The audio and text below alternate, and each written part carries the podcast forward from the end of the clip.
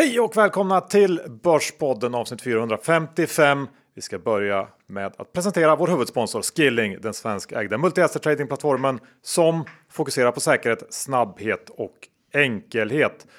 Och John, via Skilling så kan man ju trada ett enormt utbud av olika tillgångsklasser. Det finns valutor, det finns råvaror, det finns kryptovalutor och såklart vanliga aktie CFDR. Ja, jag tycker inte man ska glömma bort aktier nu när det är så extremt svajigt på eh, de olika börserna. Och då vill jag också slå ett eh, slag för att man faktiskt kan blanka eller gå kort aktier hos Skilling. Ja, och det är ju dessutom väldigt enkelt att göra det via Skilling. Och när vi har en sån här marknad som vi har nu som är väldigt bäsig och vi har haft stora nedgångar, då brukar det var eh, på kortsidan man hittar de enklaste tradesen. Ja, det går ju mycket, mycket fortare på eh, nedsidan. Vad är det man säger? Man säger rulltrappan upp, hissen ner. Exakt så John. Och då har Skilling över 700 aktier CFDR som man kan trada och det är då noll courtage. De har det här som heter fractional share trading som är smidigt och såklart väldigt förmånliga villkor, eh, en stabil plattform och tajta, tajta spreadar och en plattform som är enkel att använda. Glöm inte svensk eh, kundtjänst heller. Nej, och BankID är det enda som behövs för att öppna ett konto. Men kom ihåg, 76% av retailkunder förlorar pengarna när de har CFD så besök skilling.com för en fullständig ansvarsfri skrivning. Och med det säger vi stort tack till Skilling! John, vad pratar vi om i Börspodden den här så kärva veckan? Ja, det är ju mycket bitterhet eh, både inom sig och utom sig. Bolag som har gjort en besvikna och man har gjort sig själv besviken. Och allt det här ska ut under då en knapp timmes börspodd. Ja, jag tycker det känns ändå kul att få ventilera lite börsåsikter. Det gör det. Men innan vi kör igång så är vi också sponsrade av Placeringsguiden och vi har såklart tagit fram ett erbjudande för alla Börspodden lyssnare. Och som ni vet så är Placeringsguiden Sveriges ledande börstidning för aktiva placerare och just nu så får man sex nummer för endast 299 kronor. Värdet här är 594 kronor och eh, då har ju då Placeringsguidens professionella analytiker sett till att hjälpa dig och alla andra läsare genom att navigera bland både upp och nedgångar på börsen och ger då konkreta placeringsråd. Ja, det behövs ju bara ett tips för att man ska känna igen det här mångfalt. Dessutom väldigt bra att ligga framme på ja, soffbordet eller sängbordet för att eh, förkovra sig i börsen. Ja, så se till att ta del av de här purfärska casen du med. Det gäller aktier, fonder och det är också räntor, råvaror och andra tillgångar. Så sex nummer 299 kronor ordinarie pris här är 594 kronor så det är inte så mycket att fundera på. Gå in på privataaffärer.se snedstreck placera maj och signa upp dig. Alltså privataaffärer.se snedstreck placera maj. Vi säger stort tack till Placeringsguiden.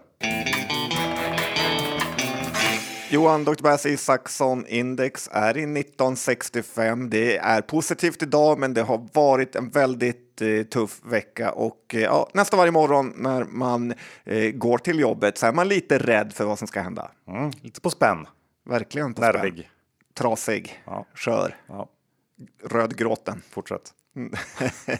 Nej, men vi har lagt ännu en usel vecka till handlingarna och nu med OMXSPI ner runt 25% för året och mindre index ännu värre så är det ju bara att konstatera att det här är en av de sämre perioderna på väldigt många år. Och det tråkiga tycker jag är, är väl att det inte känns som att vi är nära något slut på det här. En rejäl studs kan absolut ligga i korten i närtid, men att den här marknaden skulle vända och börja bli positiv på allvar, det tycker inte jag känns troligt. För det har varit fest och hej och hå på börsen under en så lång period nu, vilket innebär att det fortfarande finns excesser att jobba ut ur systemet. Och så länge centralbankerna kör på med räntehöjningar så är det svårt att se någon riktig vändning. Det positiva är väl att ekonomin och inflationen antagligen kommer att krascha ner ganska snabbt i takt med att räntorna stiger.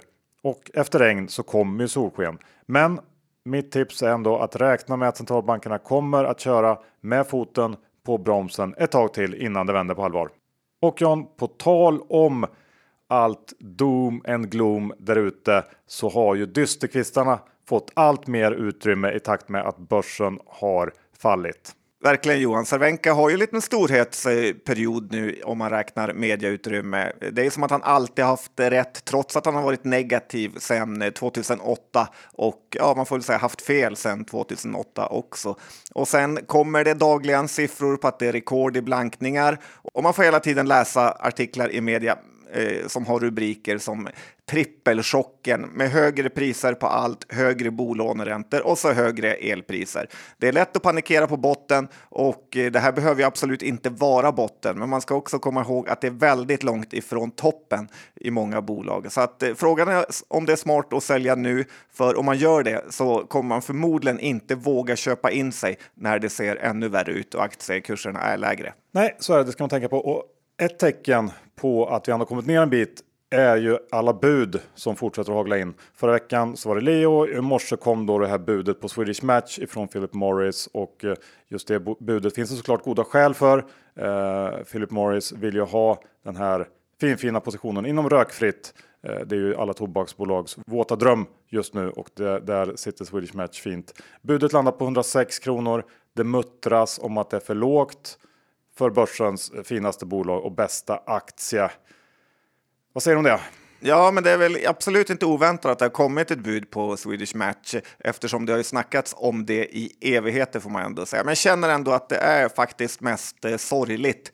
Hela Sveriges samlade PK-elit till fondförvaltare och pensionsfonder eh, har ju på precis samma sätt som de gjort i Saab och i alla våra spelbolag i princip ännu gett bort ännu en fin eh, sektor till utlandet. Eh, det intressanta är ju att inget av de här bolagen har ju någonsin varit eh, särskilt dyra utan hellre har fondförvaltarna lastat in pengar i väldigt övervärderade gröna bolag eller konstiga nynoteringar. Och det är så synd att det har blivit eh, så här. Eh, tyvärr är det ju så att det är inte det här budet som kommer förändra eh, på det, utan det var så långt innan. Det fanns inget svenskt ägande någonstans i Swedish Match kan man säga. Det finns en enda person som står utanför all den här fegheten och eh, han gör det igen och han belönas för det. Vet du vem det är Johan? Ja, det är Erik Selin. Ja, helt rätt. Enligt eh, Swedish Match hemsida så äger han 0,4 procent av aktierna i eh, bolaget och eh, han var ju faktiskt även stor ägare i Leo Vegas. Så att man blir väldigt glad när man ser att mod eh, lönar sig och att inte vika ner sig för mainstream medias eh, söderjournalister lönar sig återigen. Ja, jag håller med och givet då dollarns framfart eh, på slutet kombinerat med den usla svenska börsen eh, och det faktum att det faktiskt finns väldigt många eh, välskötta bolag i Sverige så kan det nog fortsätta att plockas godbitar ifrån Sverige. Och jag håller med dig om det du sa. Kanske går vi mot någon slags framtida Stockholmsbörs som bara innehåller helt värdelösa ESG-bolag som ska göra gott mot allt och alla förutom sina aktieägare. Så att jag, jag, tror här, vi har pratat om det förut, att vi måste börja tolka ESG på ett annat sätt än vad vi gör nu för att det här funkar inte riktigt. Ja, framförallt eh, byta ut eh, väldigt många personer i pensions eh, och fondbolagen. Det ska vi göra när Börspodden-partiet tar makten. Ja, ganska detaljstyrt kommer det vara. Det kommer det vara. Lite uh, obehagligt kanske. Men det blir ändå rätt. Ja, det blir det. ska man komma ihåg. Ska vi ta lite, när det är så här John, då kanske man vill ha lite visdomsord från en eh, gubbe som varit med förr. Men så här Johan, många har förlorat pengar nu och och eh, man får inte bryta ihop för det, utan en sak jag brukar tänka på är ju Buffett och hans citat eh, när han pratar om Berkshire, att man ska tänka att ens portfölj ska finnas i tusen år och då gäller det att finnas 100 procent av de dagarna oavsett vad som händer i resten av världen. Inte 99,9 procent av dagarna, utan 100 procent av alla dagar. Och tänker man så och eh, förväntar sig det värsta så kommer man också att klara sig. För att förlora pengar när börsen går ner är en sak och förlora pengar på dåliga affärer är också en sak, för det är lite name of the game och det kommer att hända. Lite som jag hörde Real Madrid forwarden Benzema resonera att om man vill vara säker på att aldrig missa en straff eh, så ska man aldrig slå en. Eh, däremot är det enorm skillnad på att under en kris kanske förlora 50-60 procent av sitt kapital jämfört med att förlora allt. Det är lite som med poker att så länge du har kvar marker så är du kvar i spelet och allt kan hända. Men om, du, om de tar slut så är du ute. Ja, och på tal då om kriser och svajiga börser. Det är volatilt just nu där ute. Ja, jag tycker man ska tänka på det och lite börserfarenhet eh, från ens egen karriär är ju att det här är ju faktiskt en solklar indikator på att börsen ska fortsätta ned i min bok. Det är ett tecken på att det är mycket oro i marknaden och att de här plötsliga uppställen beror ofta på att, att det för tillfället är översålt och eh, en liten börsuppgång drivs upp av blankare som tillfälligt eh, stänger sina positioner. För under en sån här period vi är inne i nu är det ofta tre steg nedåt och sen ett uppåt. Och varje gång börsen tar ett kliv uppåt vill man så gärna att det ska vara botten. Någon gång kommer det vara det också, men det känns alldeles för tidigt ännu. För problemen i den riktiga världen har ännu inte ens hunnit börja. Eh, jag ser det som att vi måste få några vinstvarningar och att vinstförväntningarna måste komma ner innan vi kan börja om. Ja, jag tror också det. Och om det nu blir värre där ute, då har jag tagit fram en liten lista på tre stycken som ligger pyrt till helt enkelt. Alltså, den vill man ändå höra. Ja, och Lister gillar man ju. Eh, jag tänkte vi ska, vi börjar ju med en ganska självklar Ilja. Jag älskar ju Ilja, men nog fan ligger han pyrt till. Det gör den verkligen. Ja, med en aktie som ner 60% i år, det är stigande räntor, hans obligationer handlar dåligt och han har mängder av innehav i gud vet vad och blanka rapporter som viner runt öronen på honom. Men om någon klarar av sånt här så är det ju uh, Ilja. Så att, måste väl anse att vi hejar på, på Ilja. Ja, däremot är ett rykte som hela tiden ligger ute nu. Det är ju att eh, så länge eh, SBB-aktien är under 26 kronor så snackas det om att det är default på Iljas obligation. Eh, det är bara ett rykte, men och ryktet säger också att det ska vara en så här soft default, alltså att Ilja har tre månader på sig att styra upp det här. Men så länge aktien ligger under 26 kronor så ska Ilja faktiskt ligga riktigt illa till. Och jag tycker Finanspoddens eh, lyssnare förtjänar att höra här vad storfinansen pratar om. Mm, vi får se där vad som händer. Eh, nummer två. Här är det en grupp av människor, alla som har haft någon som helst delaktighet i att ta totalt värdelösa bolag till börsen under de senaste åren. Och här så får rövbatteribolaget Nilar vara någon slags exempel. För det här är börsnoteringen som Gud inte bara glömde utan även aktivt hatar. Bolaget rapporterade igår och har lyckats med konststycket att leverera negativ omsättning två kvartal i rad.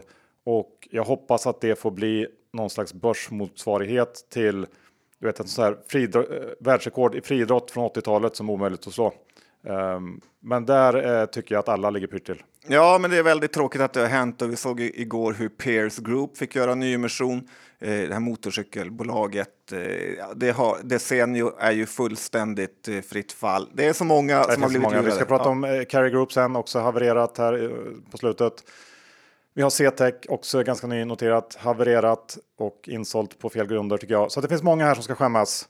Uh, ingen nämnd, ingen glömd. CTEC är väl för dig fortfarande över introkurs? Ja, ja kanske. Men när bolaget har havererat ändå och det känns som att det finns mer nedsida där. Men vi kommer till det. Uh, de godbitarna. Uh, nummer tre har jag också. och det är ju då den här amerikanen Michael Saylor som är vd och grundare av MicroStrategy. Och han är ju världens kanske största bitcoin-bull Eh, som inte bara gått all in i bitcoin med MicroStrategys kassa utan dessutom tagit upp enorma lån för att köpa ännu mer bitcoin. Eh, och det här har ju fört med sig att MicroStrategys aktie, eh, för det här är i grunden ett mjukvarubolag, den aktien har förvandlats till ett enormt derivat på bitcoin. Jag älskar bitcoin, men det är en volatil tillgång och all in med enorm belåning är ju minst sagt en aggressiv strategi. Så Sailor, han ligger helt enkelt pyrt till. Ja, men jag gillar ju både ett och tre på den här listan. Man gillar folk som verkligen tar risker och eh, försöker. Eh, nummer två, de kan brinna där. De eh, förtjänar att brinna. I helvetet. Ja. ja eller någonstans närheten.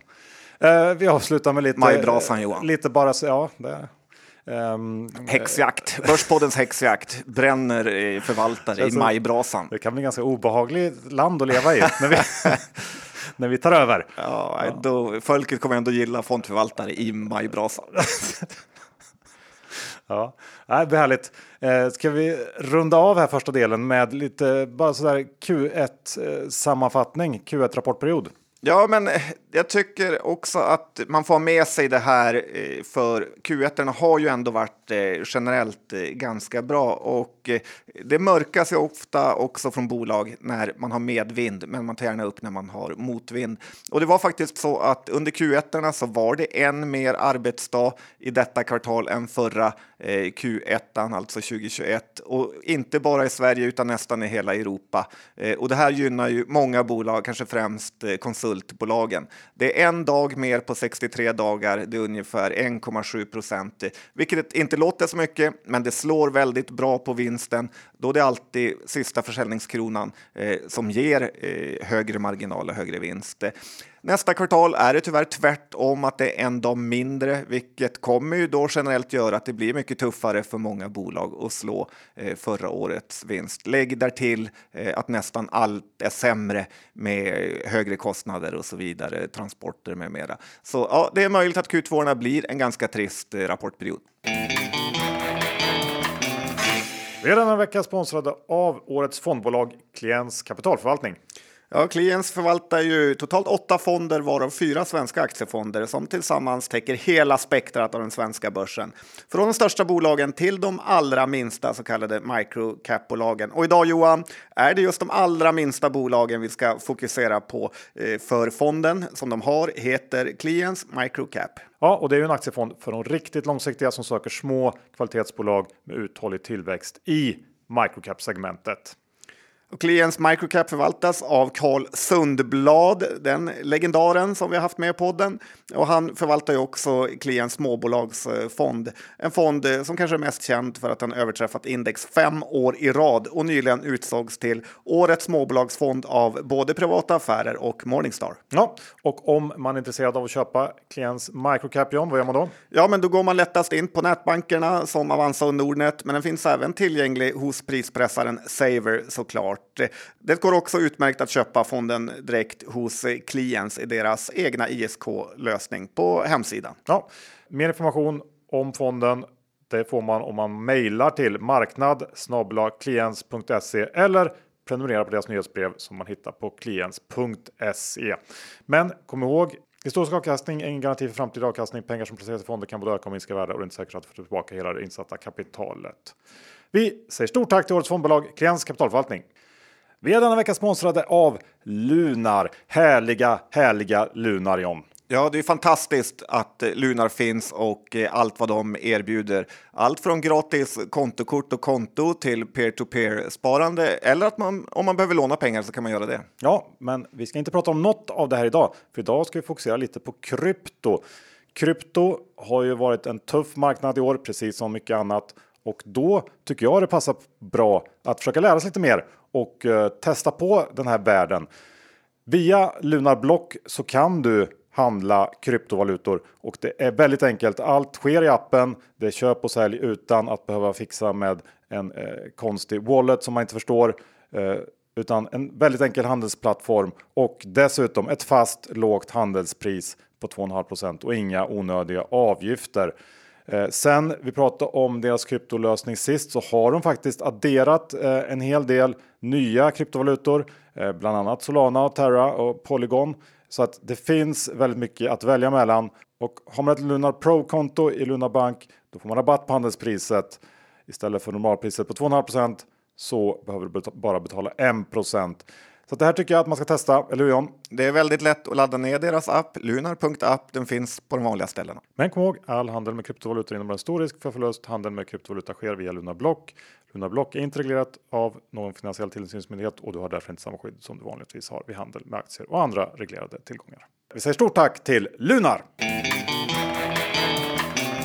John, det har varit ganska negativa tongångar det här avsnittet, så jag tänkte börja med eh, en av få positiva eh, rapportspaningar jag har från veckan som gått. Låter bra. Det låter bra va?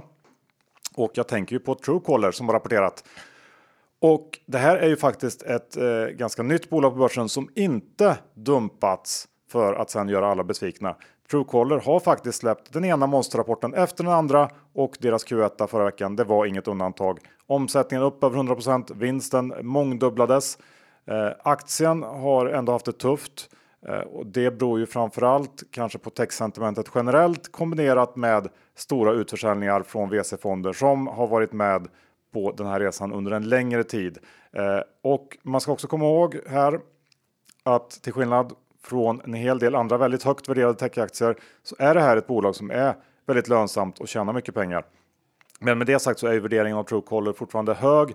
Men med rätta tycker jag, för eh, med den här vinsttillväxten så faller multiplarna snabbt och eh, så fort tech-sentimentet blir lite bättre Eh, inflationen börjar falla, räntorna toppar ur så tror jag att det här är en aktie som man ska äga. Så att den ligger på listan för mig. Ja, jag tycker det är många positiva tongångar från Indien och bolag som har verksamhet i Indien verkar gå bra. Så att, ja, man ska inte räkna bort Truecaller, även om jag varit negativ till dem tidigare. Ja. Eh, Elekta tänkte också vi ska prata om. De har ju inte rapporterat, men det är kanske ett spännande läge även där.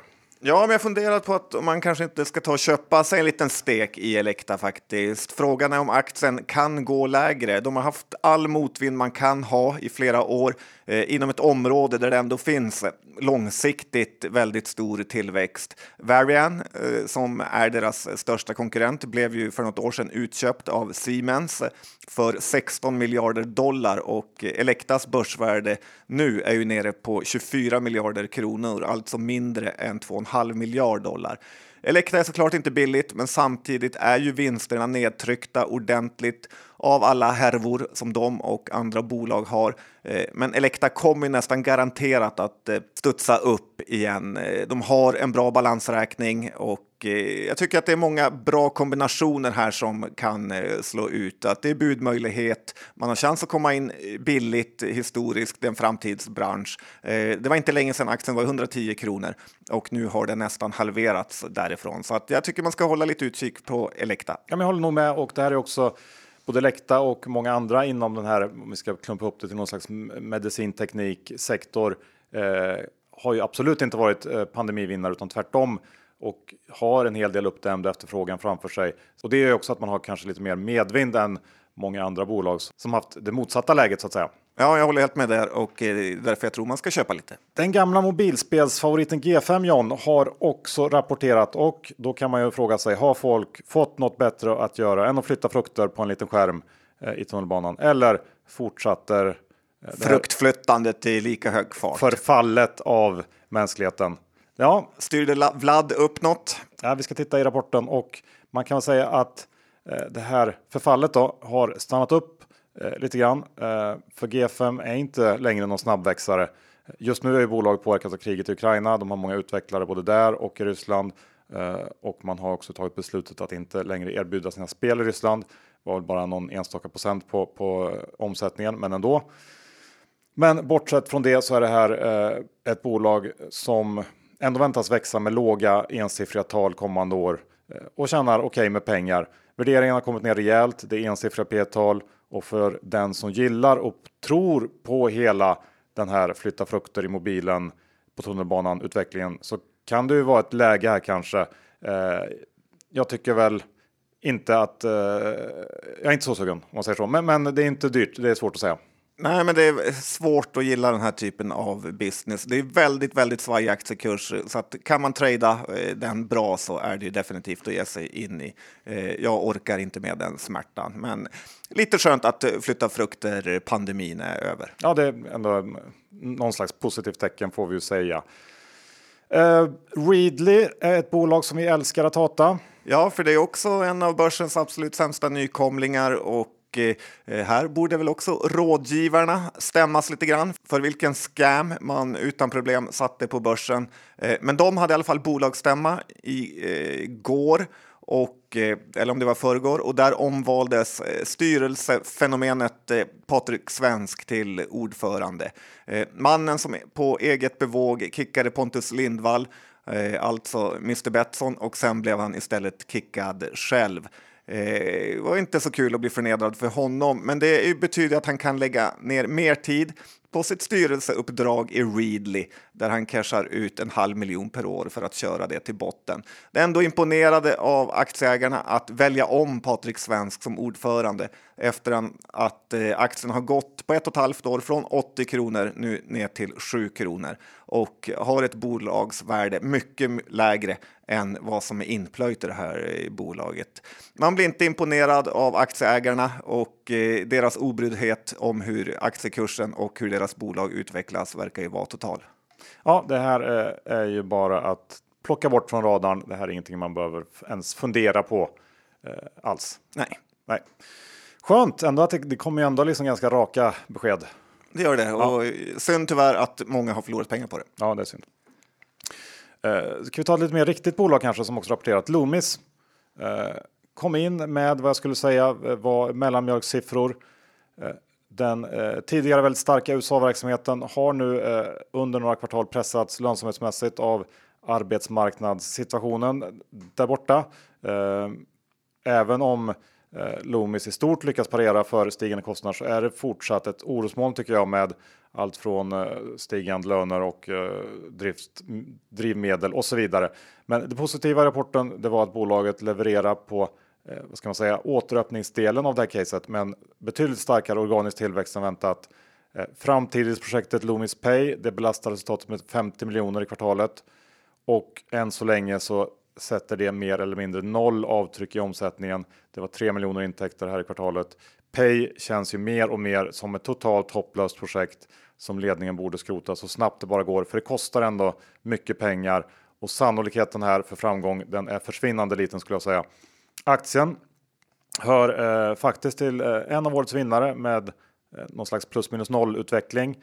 Eh, värderingen är i absoluta tal ganska låg, men eftersom i princip allt annat har tappat väldigt mycket så tycker jag att Loomis nu är relativt dyr. Så har man haft den här i portföljen i år så finns det bra så, så kallade relativbyten att göra.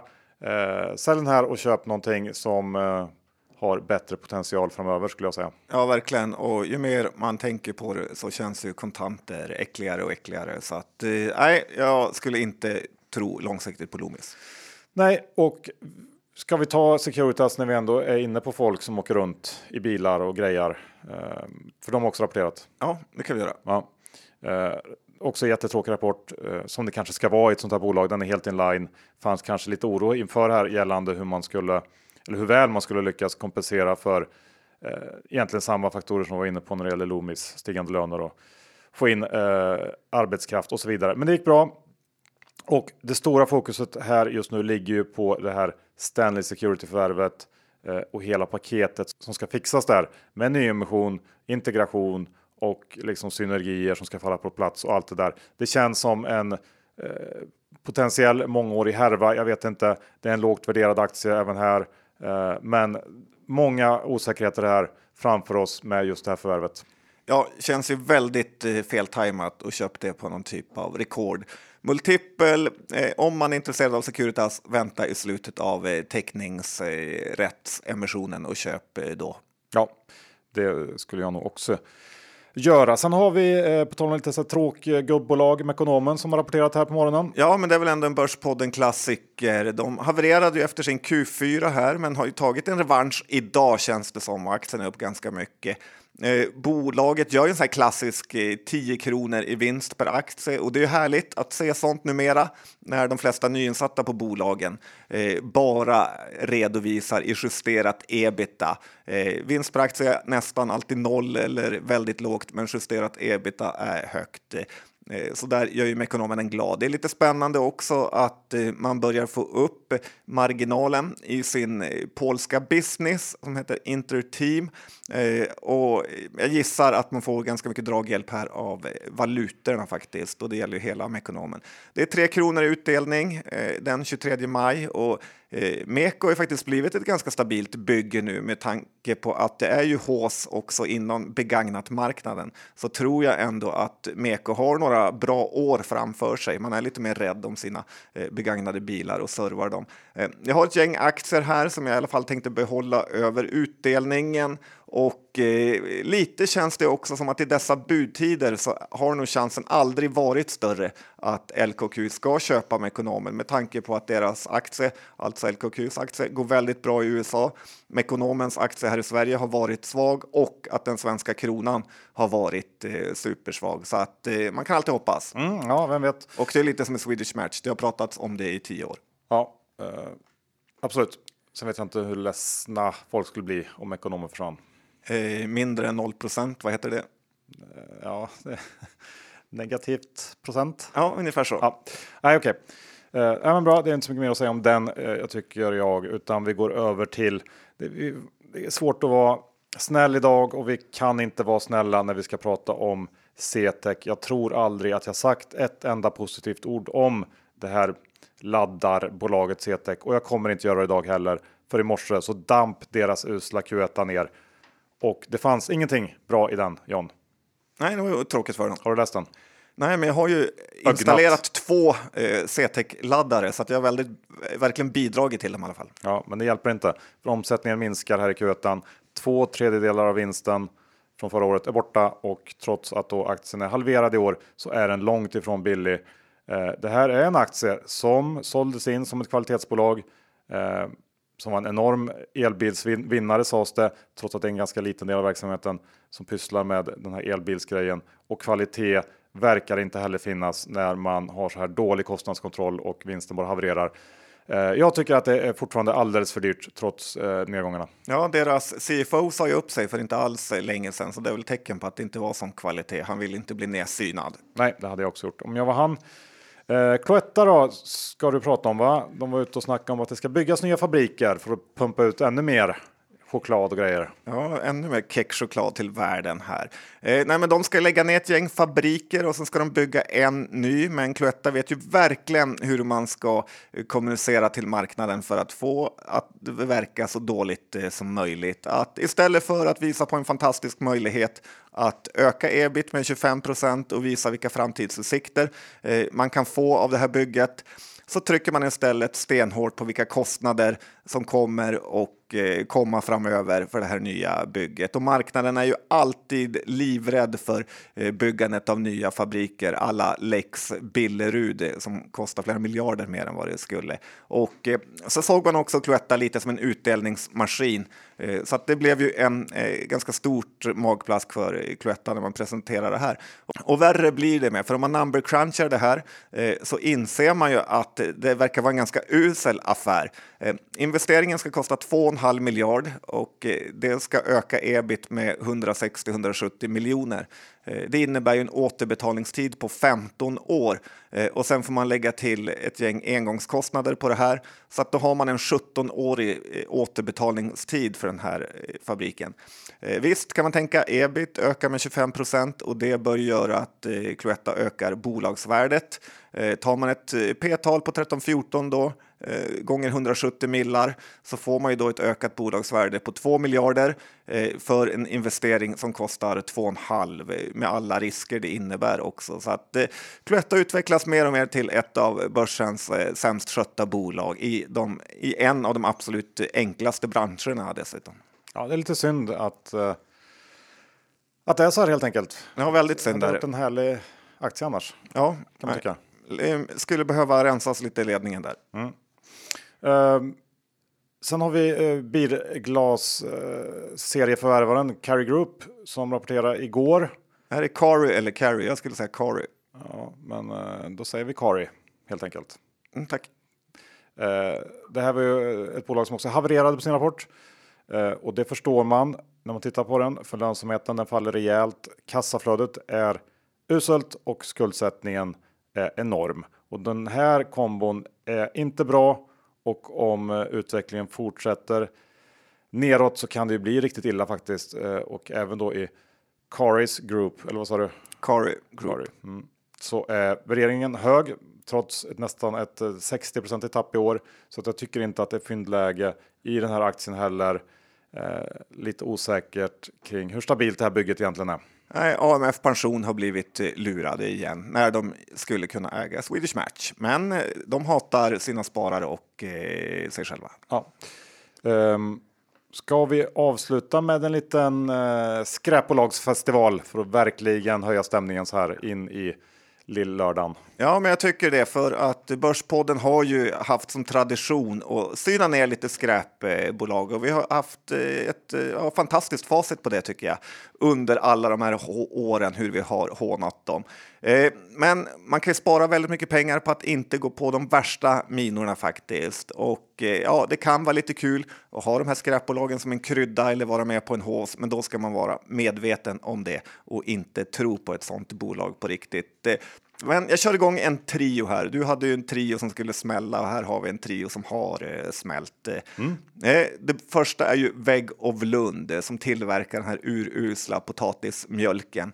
Så eh, kramar och pressar potatisarna. Ja, den sitter så... Jättejobbigt känns det, för så saftiga är de inte, eller? Det är ju bara om man eh, faktiskt eh, tittar på innehållsbeskrivningen så är det bara några procent eh, potatissaft, så att det är inte mycket att ha det. Det är lika fejkat som allt annat. Men om då omsätter man 500 000 kronor på ett kvartal. Det är alltså vad Börspodden kan omsätta på en bra månad. Förstår ni hur värdelöst det är? 5 500 aktieägare på Avanza har nu varit med om en resa från 60 kronor till 9 kronor. Och det finns inget hopp för Vägg of Lund enligt mig, eller potato potato vad man brukar säga. Ja, nej, det finns inte. Det var en dålig idé som borde stannat där eh, sent, sent på fyllan på kvällen när de kom på den. Ja, ganska eh, konstig fylla i och för sig. Kramar potatis. Eh, Minesto, undervattensdrakarna, presenterade sin rapport eh, för inte så länge sedan och där var enda omsättningen aktiverade kostnader med en brakförlust. Minesto har ju tvärt alla andra energibolag eh, tappat 30 procent i år och eh, ja, nu har man faktiskt eh, pengar för bara några kvartal till i framtiden. Sen börjar cashen ta slut och då kommer aktieägarna få stoppa in mer. Så att, tyvärr Minesto, eh, undervattensdrakarna lyfte aldrig. Nej, de trasslar till sig för sig själva. Ja, och tråkigt att så många eh, har trott på den idén. Och sen det sista som nästan är det värsta Johan, det är ju Axikem. Eh, det här är ju nästan det konstigaste bolaget vi har någonsin varnat för i Börspodden. Som började med att pitcha sin chiliblandning för att det inte skulle fastna snäckor och grejer under båtar. Och sen när inte det blev en hit så skulle det här chilipulvret eh, ned och bli en blandning i djurfoder för att kycklingar eh, ska undvika salmonella. Och ja, när den delen inte riktigt lossnade för dem så är ju numera eh, favoritpitchen att man är ett kosttillskott för viktnedgång. Eh, jag vet inte, man säger att det är bra att ett bolag kan förändra sig, men nu börjar det nästan kännas läskigt och är inte helt säker på att jag vill testa den här chiliblandningen. Nej. Och lite får man väl ändå säga när man lyssnar på den här pitchen att har man trott på det här, då får man faktiskt skylla sig själv. Det får man göra. Slut på avsnitt 455. Vi ska tacka vår huvudsponsor Skilling, den svenskägda multi-asset trading-plattformen som fokuserar på snabbhet, säkerhet och enkelhet. Och har ni inte ett konto där, ja, vad väntar ni på? Öppna det. När det är så här volatilt, det är då man verkligen kan göra de där snabba och bra klippen. Ja, när vanliga börserna är stängda är Skilling öppna. Ja, så det är väldigt bra att ha som ett komplement och kunna snabbt agera om det händer någonting utanför börsens öppettider. Men kom ihåg, 76 av retailkunder förlorar pengarna hos efter er, så besök skilling.com för en fullständig ansvarsfri skrivning. Och med det så säger vi stort tack till Skilling. John, eh, hur är det med innehav den här veckan? Har du några aktiekem? Nej, jag har inte riktigt eh, hunnit köpa dem än, men jag har mycket annat skräp. Jag har Cloetta, jag har Mekonomen.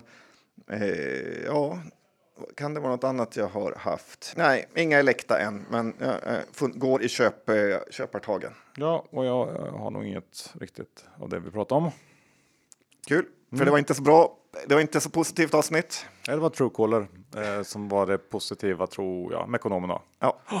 Ja, men så kan det vara ibland. Eh, det är inte alltid att eh, livet är en dans på rosor, Jan. Nej, det är ganska ofta det inte är det. Nej.